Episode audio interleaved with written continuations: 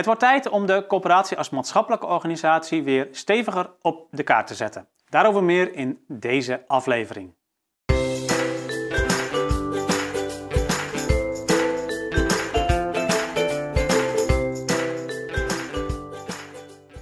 Ja, ondanks dat coöperaties natuurlijk maatschappelijke organisaties zijn, uh, worden coöperaties nu toch heel erg gezien als vastgoedbaas of als pinautomaat voor de lokale overheid als het gaat om het uitbesteden van zaken als bijvoorbeeld leefbaarheid. En ook binnen de coöperatie is er veel focus op het middel, namelijk het vastgoed, en op de randvoorwaardelijke zaken, financiën. En um, ja, dat, dat, dat, zie je dus ook gereflecteerd in uh, ja, die maatschappelijke blik op coöperaties. dus uh, als je in het nieuws uh, kijkt hoe coöperaties daar neergezet worden, dan is het toch vaak als huurbaas of als organisaties met veel geld die best wat, wat meer kunnen doen.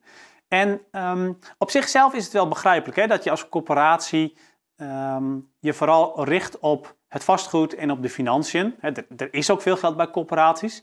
Dat heeft ook gewoon risico's. Daar moet je mee bezig zijn, dat moet je managen.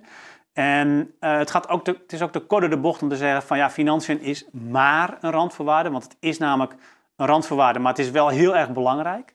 Een hele belangrijke randvoorwaarde om dat vastgoed uiteindelijk te realiseren. En uiteindelijk heeft dat natuurlijk een bijdrage, of levert dat een bijdrage aan je maatschappelijke doelen.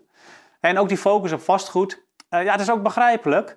Maar uiteindelijk is het, want uh, ja, goed, uiteindelijk is het toch, uh, het vastgoed is ook je belangrijkste middel om die maatschappelijke doelen te, te realiseren. Om te, maar toch, dat navelstaren op geld en op vastgoed, hè, op de stenen, dat zorgt toch ook wel voor onbegrip bij huurders en bij andere uh, belanghebbenden. Ik noemde al, uh, ja, hoe worden coöperaties neergezet in het nieuws.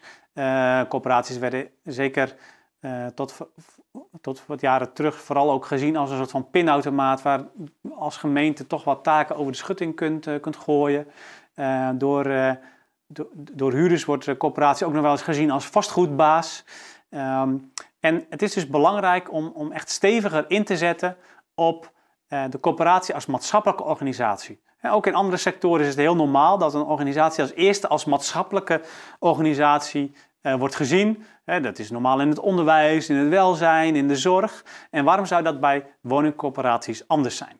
Betekent dus ook dat je in het DNA van de organisatie veel meer zult moeten gaan redeneren vanuit de mens en veel minder vanuit het geld of vanuit de stenen. dus niet in je jaarverslag zetten, we hebben weer x aantal woningen gebouwd, maar we hebben x aantal mensen gehuisvest. want dat is waar het uiteindelijk om gaat.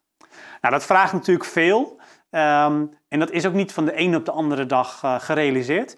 Maar wat je kunt doen is om eens te beginnen met een check op hoe je eigenlijk naar buiten communiceert. Dus kijk eens naar je website of kijk eens naar je jaarverslag. Kijk eens naar andere uitingen die je doet. En, en, kijk gewoon eens van waar communiceer ik nou eigenlijk over geld en over vastgoed? En waar communiceer ik nou echt over mensen?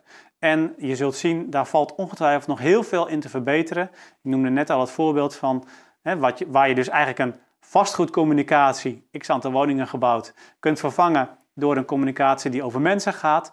Als je op die manier naar je uitingen kijkt, is een hele mooie eerste stap om uh, je ook bewust te worden van hoe je nog veel meer de coöperatie als maatschappelijke organisatie op de kaart kunt zetten. Ik wens je daar heel veel succes mee en uh, graag tot een volgende aflevering. Doei!